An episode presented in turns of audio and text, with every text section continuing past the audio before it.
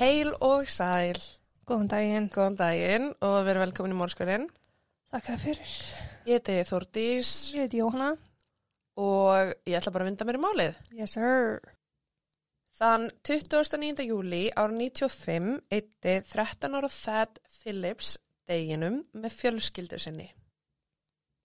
Fyrir um daginn hafði hann farið út að borða með fóruldri sinum og þremur yngri sískinum en eftir mat þá snýru þau heim þar sem að þau sungi í smá stund og lokum fóri fóruldra hans að sofa. Ok. Það og yngsta sýstir hans voru eftir í stofinni að horfa sjónvarpið en eftir smá áhorf þá sopnuðu þau bæði. Setna um nóttina vaknaði það en það var eitthvað að bera hann á milli. Það var ekki óalgengt að þau sískininn sopnuðu í sófanum og letu pappa sinn bera sig upp í rúm og upphaflega hugsaði hann ekkert um þetta fyrir hann var allt í henni komin út úr húsinu. Ó. Hann var að bera hann, þú Já, veist. og okkur er ekki að fatta út úr húsinu, bara borin út Já. úr húsinu. Ok. Hann hugsaði með þess að þetta hlýta að vera vinur föður hans sem átti bílavandræði með eitthvað og þurfti að hjálpa að halda. Fyrir honum gæti þessi vinur ekki vaki pappans og ákvað í staðin að byggja það um aðstóð. Hvað var hann gammal? 13. Ok. Það var mjög dimmt úti og hann var ekki alveg viss hvað var í gangi. Fjölskyldan hafði hans búið þarna í nokkra vikur og þekkti sér lítið til um á svæðinu. Hann spurði manneskina sem að hjælta honum hvar bílinn hans væri og fekk þau svör að hann væri bara rétt upp hæðina sem þeir voru þá gangi áttina að. Ok. Hann var ekki hrættur, hann var, hann eiginlega bara gerði sig ekki grein fyrir því hvað væri gangi og vissi bara ekki að hann ætti að vera eitthvað hrættur. Nei. Þannig hann var bara, já fyrir hún var þetta bara vinur pappans og þú veist, hann var í sófanum og vinur hans hefði kannski ekki geta farið inn í herbyrgjuna í pappans eða eitthvað. Ok.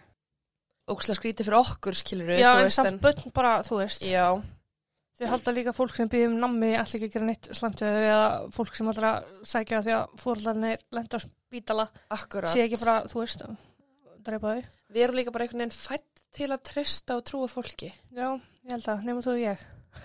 Já. Ókunni maðurinn spurði það hvort að þeir getur hlupið á stað, svo þeir endur á því að skokka yfir hæðina. Eftir að var hlupið um í smá stund, um 800 metra, þá komu þeir að húsi. Ókunni maðurinn sagði það að þar byggi hann með bróður sinum. Þeir gengu inn og það tók eftir því að húsið var bara mjög illa á sig statt, statt á sig. Það var bara mjög ljótt Já, já, já. Og, og mikið drasl. Inn í húsinu. Já, þú veist, það var bara ruslutum allt, það var gamall matur á við og dreif, það voru bananaflugur, þú veist, það voru diskar út um allt og bara mikill óþrifnaður. Ok. Stuttu eftir komin að þangað áttaði það sig á því að þetta var ekkit vinur fjölskyldunar. Ókunni maðurinn sagði honum að hann væri að fara að halda veistlu og fóra nefna fólk sem að það þekkt úr hverfinu og skólanum og þú veist, hann var bara eitthvað svona, já, þú veist, við erum bara vonað um þá og þegar, þeir eru bara rétt og komnir og það verður bara gaman í kvöld. Ok. og það er eitthvað, já ok, ok, Pétur er að koma og Karl er, já ok Þú veist, og það er svona róað hann svolítið Já. hann kynnti sér síðan sem Joe Joe spurði það hvort hann líkaði vel við bíla og vörubíla og sagði hann að hann ætti nokkur mótel svona litla plastbíla Já. það vitur glændi hvað mótel er, ég veit ekki hvernig ég var að útskýra það en hann átti svoleiðis upp í herbygginu sinu og sagði bara, þú veist, hei við getum fara að skoða á, þú Já. sjá safnið mitt það fylgdi honum eftir og þeir horfðu á bíluna í stuttastund Það er eitthvað að fara að gera, sko, ég sé það á svipnum að þér. Hvað er að gangi svo bara út og það ekki fyrir sig? Nei. Skyndilega ítti Joe honum upp á rúmið þar sem hann endaði á bakinu. Hann greip um hægri ökla það og byrjaði að snú honum. Hann beigði sig og snýr honum þar til að öklin hans brákaðist og lokum brotnaði. Strax á eftir settist Joe á rúmið við hliðans og gróf einhvern veginn svona andliti sitt í hendunar á sér. Samstundis skauðst það upp úr rúminu, hann var í áfalli og ringlaður yfir því sem að var að gerast og reyndi eftir bestu getu að komast undan. Adrenalíniði streymdi í gegnum hann þegar hann hljóp út úr herbyrginu og niður stegan, öklabrótin. Oh. Á meðan hann hljóp þá fann hann hvernig brotið rann lengra upp fótinn á honum og nuttaðist við hitt beinið í fætinum.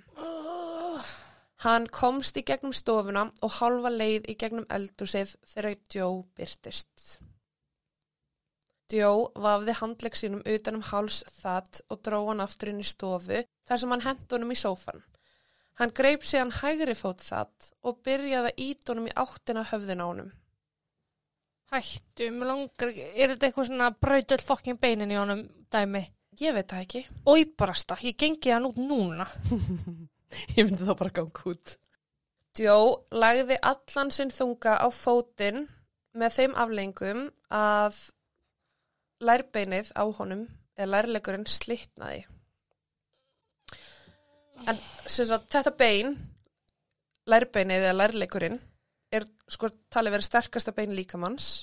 Það er stærsta og þykasta beinið og það er varið af vöðvum og það er talað um að það þurfi 400 eða 400 newton kraft til að brjóta lærleikin. Já, og maður bæta við þetta, það er ekkert sem ég finnst ógeðslæra en læralegsbrot í lífinu. Já, en fyrir þá sem ekki vita hvað newton er, þá er ég á sömu blaðsjöðu og þetta er bara mjög mikill kraftur. Já, Ég veit alveg hvað það er, skilur en, en já ég, gerum ekki grein fyrir hvað, hvað mikið er mörg, já. En í flestum tilfellum þá brotnar, brotnar þetta bein í slísum, aðalega bílslísum, en þú veist, þetta er bara, það þarf mikið afl Mm til að þetta bein brotni. -hmm. Joe var ekki einungis að brjóti honum beinin, hann kildan, barðan og sparkaði hann. En þetta voru stöðu átök þeirra á milli. Eftir að fóturinn hans brotnaði þá fann það ekki fyrir neinum sásuga. Þetta var bara hávar kvellur og búið. Oh my god, ég get ekki. Strax eftir það var eins og Joe hafði breytt um persónuleika. Hann var bara eins og vennileg manneskja. Mögulega vegna þess að hann vissi þarna að það gæti ekki farnitt. Hann byrjaði bara að spjalla við hann eins og ekkert væri og var bara að tala um allt og ekkert. Og það ákvað bara að nýta þetta og var bara að reyna að fá hann til að dreifa hugurum svo hann myndi ekki meira sem meira. Það spurði Joe hvers vegna hann var að gera honum þetta og Joe sagði að hann væri mjög heitlaður af hljóðinu við beinbrott. Oh my god. Það spurði hvers vegna hann gerði þetta ekki við sjálfa sig og Joe svaraði að hann hafi jú reynda en aldrei náði réttu tökunum til þess að brjóta sitt eigi bein. Hlöfta fokkin vegga eitthvað. Já.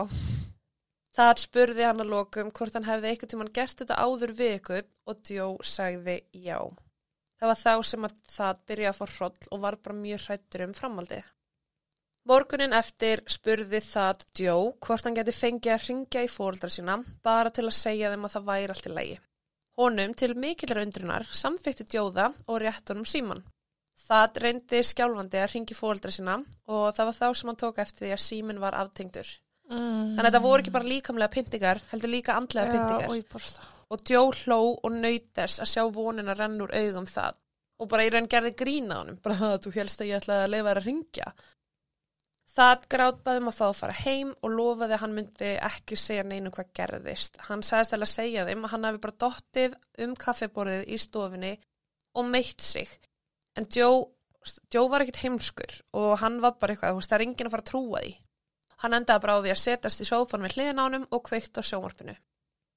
Eftir nokkra klukkutíma bar Joe hann upp í rúm en það barðist að móti allan tíman. Og sérst, eftir nokkra klukkutíma þeir eru búin að sitja hann í sófan og bara horfa okkur kvikmyndir, sko. Þetta var alltaf eitthvað voða skrítið. Mm. Hann sló Joe í nakkan og reynda kílan en Joe settist ofan á hann með bakið í átta andlitinu, greipum vinstri öklans og byrjaði að snúa á ný. Hann snýri og snýri þar til að öklin splundraðist. Joe sagði honum að berjast ekki á móti, annars myndi... Þetta er bara deyja hérna. Ég er sko, ég er að berjast að kúast ekki og ég er ekki einu svona smá ígeð að grína. Já, kannski eftir að setja, þú veist. Trigger warning, já. Ekki það að það ekki breytna einu fyrir þig, þú ert límt við sko. Ángrís, ég, ég er alvarlega í hvað að bara segja fokk þetta labba eða sko. Ah. Aftur í alvarleikan hmm. um, Joe sagði það að berjast ekki móti annars myndan háls og bakbrjótan hann hjælt kotta yfir andlitið það og neittan til þess að halda kottanum sjálfur yfir andlitun á sér það sagðist trúunum hann hafði þegar fótbrotnað og hafði enga ástæðu til að trúunum ekki sérst bara með að hann myndi veita honum meiri skadi ef hann myndi berjast móti Já. það var ekkit svona þú veist, þetta var ekki bara hótun, hann var actually að fara að gera það. Mm -hmm. Það neitaði samt sem áður að gráta. Hann vildi ekki leifa Joe að sjá það hversu hrættur hann var. Segir maður andlegt aðruleysi. Ég hef ekki hýrt á það hana. Ok, ef það er ekki til, þá ætla ég að búa það til. En Já. það var að sína andlegt aðruleysi. Ok. Eða andlega aðruleysi hans var ótrúlegt. Ég held að aðriðlega sé bara andlegt almennt, sko. Já, það bara aðruleysi hans, það var ótrúlegt. Já. Dægin eftir vöknuðu þeir og eh, deginum eitti Joe í að fara út og reyna að koma bílnum sínum í gang. Eftir hver skipti þá strunsa hann aftur inn í húsið, uppstígan, kvartaði við bílnum og allir meiri sársöka á það. Eftir hverja pyntingarlótu þóttist Joe veita það aðstóð. Þannig að hann var kannski búin að kýla, kýla, kýla, kýla og svo bara, viltu plástur? Eða skilur mig? Já. Hann var með fullt af hvítum sokkum sem hann setti á fætur það til að reyna að útbúa nokkur skona stuðning við beinbrotið. Eftir að hann var klættur í sokkana þá breyttist persónuleiki Joe aftur og þá bara eins og hann væri orðin vennilegur og ný. Bara nei, hæfélagi. eins og sé bara okkur útrás á milli Já, það, þú veist, þetta er bara svona svolítið eins og sé kannski með bara tvískiptan persónuleika. mm. Á einum tímapunkti sett hann sokka yfir fætunar hans og neitt hann til þess að ganga um og neitt hann til þess að ganga stíganum. Þegar þanga var komið þá beigð Joe eftir því að fætur hans myndi gefa sig. Þegar þeir gerða ekki þá sparkaði hann í það með þeim aflengum að það trapaði niður stígan og lenda bakinu. og baki brotið Nei. Á þessum tímapunkti urðu meðsli það verri með hverjum tímanum sem að leið. Öklar hans voru mjög bólgnir á stærð við skotbolta og hægra lærið hans sem hann hafði hann að brotið var það bólgi að það var á stærð við körfubolta. Shit. Fætur hans voru síðan bara svartir og bláir og bara marnir. Uh -huh. Öll, allir út í mari, mörum. mm. Joe dópaði það og skildi hann eftir á rúminu. Á næturnar let hann það algjörlega vera. Það heyrði út eftir að hurðina lokast og bíl aki burti. Þetta var hans tími til að flýja. Hann vissi að hann yrði að gera allt sem hann gæti til að komast út úr þessu húsi. Hann þvingaði sig fram úr rúminu og dróð sig að stiganum. Hann sapnaði síðan öllu því hugrekki og þeim styrk sem hann gat og kastaði sér niður stigan með höfuðið á undan. Þegar hann lendi í stiganum þá mist hann meðutund út af sársöka og þreytu. Hann hafði ekki borðað niður drukkið síðan að hún var rænt og það bara jók með Íslands. Mm -hmm. Það var Mhm. bara ekki mennina orku. Nokkru mínútum síðar vaknaði hann og reyndi að skrýða í gegnum stofuna inn í eldús. Hann misti nokkur sinnum meðutund og meðan að hann drósi með fram flýsunum. Hann var í stofunni og reyndi að komast inn í eldús þegar útidirnar opnuðust og Joe gekk inn. Joe trúði þessu varla að hann hefði komist alla þessa leið með þau meðsli sem hann hefði hlotið. Hann greip það og bar hann aftur upp í rúm, sérst áður að hæð. Já. Hann byrjaði að snúa öklan hans meira og hoppaði ítrekkað á bringuna á honum. Hann kildan einnig og sló og hann var í raun bara út alla sinna reyði á honum. Hann hafði ekki hugmynd um hvers vegna en hann fann fyrir þessari reyði sem var innra með Joe. Það vissi bara ekkert af hverju var hann að gera honum þetta. Já. Eftir þessar barsmíðar og pyntingar, eftir flóta tilraun uh, það, þá bar Joe hann aftur niður í stofu þar sem að þeir fóru að horfa á kvikmyndir. Bara svona tveir vinnar hanga Hvað er lögataskvöldi. að? Já, ég er bara Að lokum misti það meðutund og svaf í nokkra klukkutíma. Morgunin eftir vaknaði það og horfði á fætunur á sér. Þeir litu bara alls ekkit út fyrir að vera mannsfætur. Þetta var bara eins og Michelin gæin, Já. bókstallega. Mm Það var svo mikið mar til staðar og þeir voru einnig farnir að gulna og bólgna. Já. Sásökin var hræðilegur. Þegar Joe sá að hann var vaknaður, þá bar hann það upp í rúm og byrjaði, enn á ný, að pynta hann. Á nokkra klukkstunda fresti kom hann aftur til að valda honum meiri sásöka. Þannig að hann kemur inn, kannski bara kíla, kíla, kíla, snúa eitthvað fyrr. Fær sér hrísgrón og kjúkling, kemur aftur, kíla, kíla, kíla, kíla, fer sér hann bara eitthvað að horfa á Baywatch. Þú veist, þetta er bara fram og tilbaka. Fyrir að horfa á Baywatch. Eða eitthvað skilur. Taka smá Pamela Anderson og... Nokkrum tímum síðar settist sólin á ný og Joe ætlaði að fara í partí. Á þessum tímpunkti hafði það gert þrjár mismunandi tilraunir til þess að flýja en var gripin í hvert einast skipti sem hann liti alltaf til bara barsmiða. Mm -hmm. Þetta skiptið ákvæmt Jó að hann vildi ekki taka neina áhættu og bar það inn í skáp. Hann hendi honum þar inn og læsti hurðinni. Það láðarna og heyrði útitira hurðina lokast og bíl keira í burtu. Það var þá þegar sem hann vissi að hann yrði að komast í burtu. Hann fann að líka með hans var hægt og rólega að gefast upp. Hann vissi einnig að yngri bróður sinn ætti ammali og honum langaði til að vera með honum. Hann rótaði í skápnum og fann gamlan gítar. Hann greip hann og byrjaði að berja í hurðina og sérst aðalega svona það sem að lásin er. Já. Og hann bað til Guðs um að hurðin myndi brotna. Eftir nokkra stund gal hurðin sig og hann gat losa handfangið og farið út. Aftur skreið hann úr herberginu og að steganum. Hann kastaði sér niður stegan með höfuð fyrst. Hann notaði allt sem hann átti til þess að draga sig gegnum stofuna og inn í eldúsið. Hann sá sím á vegnum sem hann vissi að virkaði þar sem að hann hafði áður heyrt Jó tala við kæristunum sína um að fara á djammið um kvöldi. Ok. Og þannig er ég bara eitthvað, ok, kæristunum sína. Hvar er hún búin að vera? Akkur er hún aldrei heima hjá honum? Nákvæmlega. Já. Símin var með langar, langri snúru, svona gull, nei svona hvítri snúru, Mm svona, svona, já, sem að náði allaleg niður á golf og hann gat því dreigið tólið af og náð utan um síman. Og sérst á símanu var takkaborði, Ok. bara svona Já, eldgamalt. já, já. Eldgammal. Þetta er eldgamalt. Hann ringdi skjálfandi í neyðarlínuna. Hann sagði um hver hann væri og að hann væri í haldi. Hann myndi nóg mikið eftir því að ganga þanga til að hann geti gefið þeim bara hugmynd um staðsyninguna og gaf þeim líka nafndjó.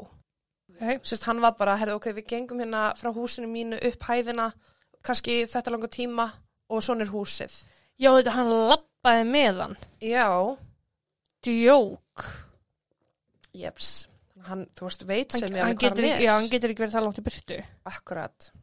Lauruglumenninir sögðu að þeir vissu hvar hann væri og þeir vissu hver djó var vegna þess að þeir höfðu áður átt í samskipti við hann. Já. Þegar lauruglumenninir komu þá láð það til eldúsinu. Vinstran nýja hans var alveg sagt, snúið og fætur hans voru bara einhvern veginn svona bæklaðir á hlið. Já. Þeir, veist, þeir voru valla beinir fram sko. Það var bara búið að snúa þeim svo mikið. Já. Mm I get it, haldt áfram. Hann sagði að þegar þeir litu á, eða sáu það, þá voru þeir bara í algjöru áfalli. Þeir kom honum fljótt á sjúkrabörur og inn í sjúkrabíl. Og það næsta sem hann man er að hann vaknaði á spítalanum. Læknandir sögðu að hann hefði verið um tvær sagt, klukkustundir frá því að deyja úr innvortisblæðingum. Þannig að hann var bara í kapp við tíman.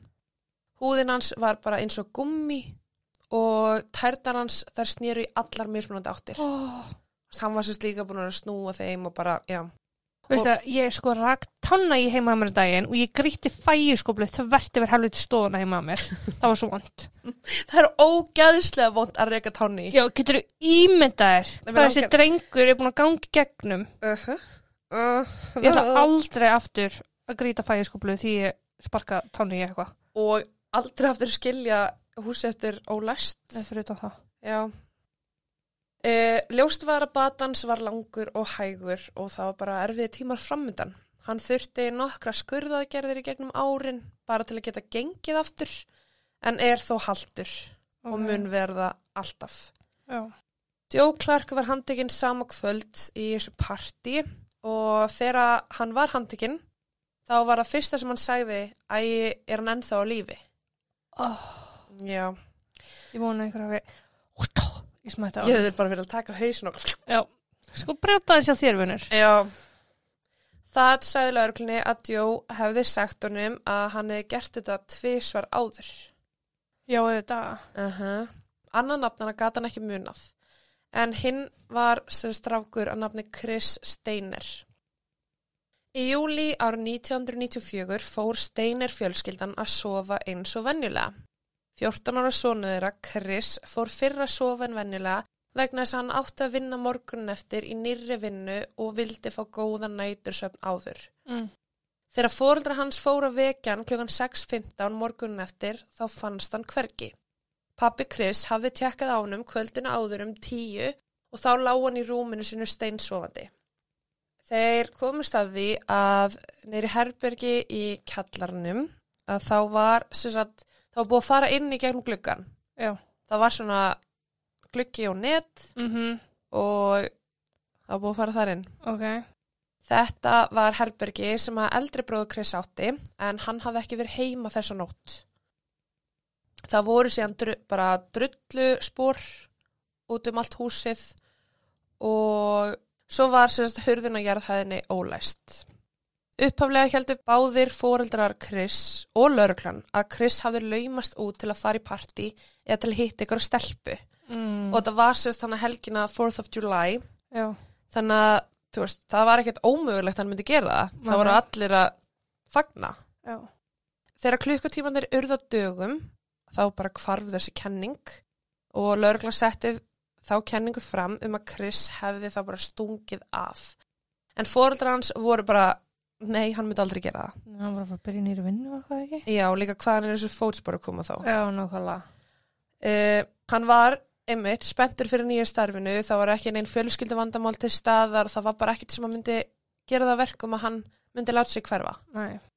Svo hefur líka oft spáð í því, þú veist, ef að barnið mitt er týnt Mm. og við vorum kannski að rífast kvöldinaður, eða þú veist, myndi maður sleppa því að segja við lögregna svo þeir myndi ekki bara fá okkur að mynda af okkur að hún, þú veist, barnið er stungið af að við vorum að rífast, eða myndi maður vera bara hvað, hann myndi, eða þú veist, fattur hvað ég minna? Já, ég held samt maður verði að vera hreinskilu með reyfildið en líka staðfastur á því að fólk er ekki alltaf 100% þú veist, Já. reikandi við regnbúa með glimmeri sko. Mm Fjölskyldan bara krafðist þess að Chris hafði enga ástæði til að flýja og þeirra kenning sannaði sig þegar 10. júli fannst lík í ánni í Wisconsin. Líkið var byrjað að blása upp eftir að hafa verið í vatni eitthvað tíma og var bara, bara niðurbróðsferli. Já, Tannlæknaskíslur staðföstu að þetta væri Chris. Dánar orsök hans uh, var druknun og sem sagt svona þeir gáti ekki átt að sá því hvað gerðist. mm. Lauruglan rannsakaði þó aðra kenningar og spurði meira sér Joe Clark út í þetta. Allar ábyrtingar sem þeir fengu varandi Joe voru þó bara sögursagnir og móður hans Joe gaf honum fjárvistasönnun með því að segja að hann hafi verið heima í rúminu sínu þegar Chris kvarf sem að var bara ekkert rétt. Nei, Fjölskylda Chris harmaði dauða hans og lagði hann til hinstu kvílu en móður hans hjælt fast við sína grun um að Joe Clark væri viðriðin. Þegar það sagði lauruglunni frá því sem að Joe hafi sagt honum, þá rættu þeir við fóreldra Chris og fengur leifi til að grafa upp lík hans. Mm. Þeir gerði krupningu og komust að því að Chris var með brot á fótlegum og öklum sem voru bara eðlislíkir þeim sem að það hlaut af höndum Joe. hvernig var það ekki komið í ljósi uppháleiri krupningu? Þú veist, ég veit ekki, það var bara því hann druknaði og svo bara eitthvað, herði ok, gröfumann. Þannig að hann var á lífi þegar hann fór í vatnið. Já, ég veit, en þú veist, hann, Mhm. já, ok. Og það lætum alveg hugsa, þú veist, eins og Joe sagði, æg, er hann ennþá á lífi? Nákvæmlega. Þú veist, já, en að þú kastaðir Chris ennþá á lífi út í vatnið, Mm er þá ekki bara að fara að losa við þetta því að það er ekki fleiri bein að brjóta? Nákvæmlega. Lögreglan framkvæmdi húsleitt uh, í húsin hans Joe þar sem hann hafi geimt það og fann minnisbók uh, með 25 til 30 nöfnum hjá drengjum sem að byggu í hverfinu. Og það var einhvers konar svona dráblisti. Og það voru sagt þrjár fyrirsagnir með mismunandi nöfnum undir hverri. Það var Can't Wait, Get to Know, The Leg Thing. Bara stað. Já. Fyrir mannránið á það var 17 ára, gamli Clark. Þegiðu. Mm -hmm. Þegiðu. Varstu búist við ykkur svona 43 45 ára ángríns. Ég veit það. 17 ára. Aha. 17 ára. Hættu. Hann var ákærður fyrir bara tilraun til fyrsta dags. Fyrsta dags. Hann var ákærður fyrir bara tilraun til uh, mandráps. Hann var ákærður fyrir að valda barni miklu líkamstjóni. Hann var ákærður fyrir mayhem sem er sérst bara aðtafi að sker af handliki, fætur, augu, hönd eða þú veist, hvort sem það er viljandi eða með líkasarás en það er Mm. að þú veist, fjarlæga eitthvað líkasbúti eða einhvern veginn, þú veist, valda skaða á það. Já. Hann var ákjörður fyrir að valda barni andlegum skaða. Hann var sérst síðan ákjörður fyrir að hafa lokkað þetta barn heim til sín. Bjakk. Bjakk. Joe sagði að hann hefði tekið það en það var bara því að honum langaði að hanga með honum. Hann langaði í vin. Mm. Hann sagðist ekki muna eftir því hvernig það slasaðist vegna þess að bara þegar það gerðist þá var allt bara dimmt og þetta bara gerðist. Býti, hverju fokkar voru fóreldrarnar hans? Hans, Joe, hann bjó sérst að búið með bróður sinum. Ok. Hann sérst bara vildi ekki játa þetta á sig, sérst ekki hafa gert neitt og svo sagði hann bara að hann væri sérst ósakhæfur vegna geðursjúkdóma. Reynda trúið alveg, en... Já, en Joe var sérst ætlitur og líffræðileg móður hans var fíknefna neytandi og hún hafði nota fíknefni á meðan hún var ólétt og verjandi Joe vildi meina að það hafi allir skada eða valdist Joe skada Ok. að hún hafi verið að taka inn fíknefni á meðan hún var ólétt á honum Mm. og uh, einnig heldur því fram að Joe hafi hlotið höfu áverka eftir alvarlegt hjólaslis ári áður. Þannig að þeir eru bara ok, hann lendi í þessu slisi og hann fekk einhvern höfu áverka uh, heilaskaði eitthvað og svo var mamma sem neyta fíknefnum meðan hún var ólétt þannig að hann er bara á ekki að vera sakafur. Mm. Á meðan að réttarhöldanum stóð þá átti það að byrja vitni gegn Clark, gegn Joe Já. en hann var skotin í bakið af öðrum 15 ára dreng á svæðinu. Ha? Já, þú veist, bara hvað á ekki að gera, þú veist, hvað, allir þessi drengur upplifa allt eða? Var það skotin Já. í bakið? Og dó? Já. Og dó? Nei, nei, nei, nei, nei. hann dó ekki, hann var bara skotin. Bróðir. Já, hann var bara skotin. En hann gatt á endanum bóri vitni og Joe Clark var fundin segur.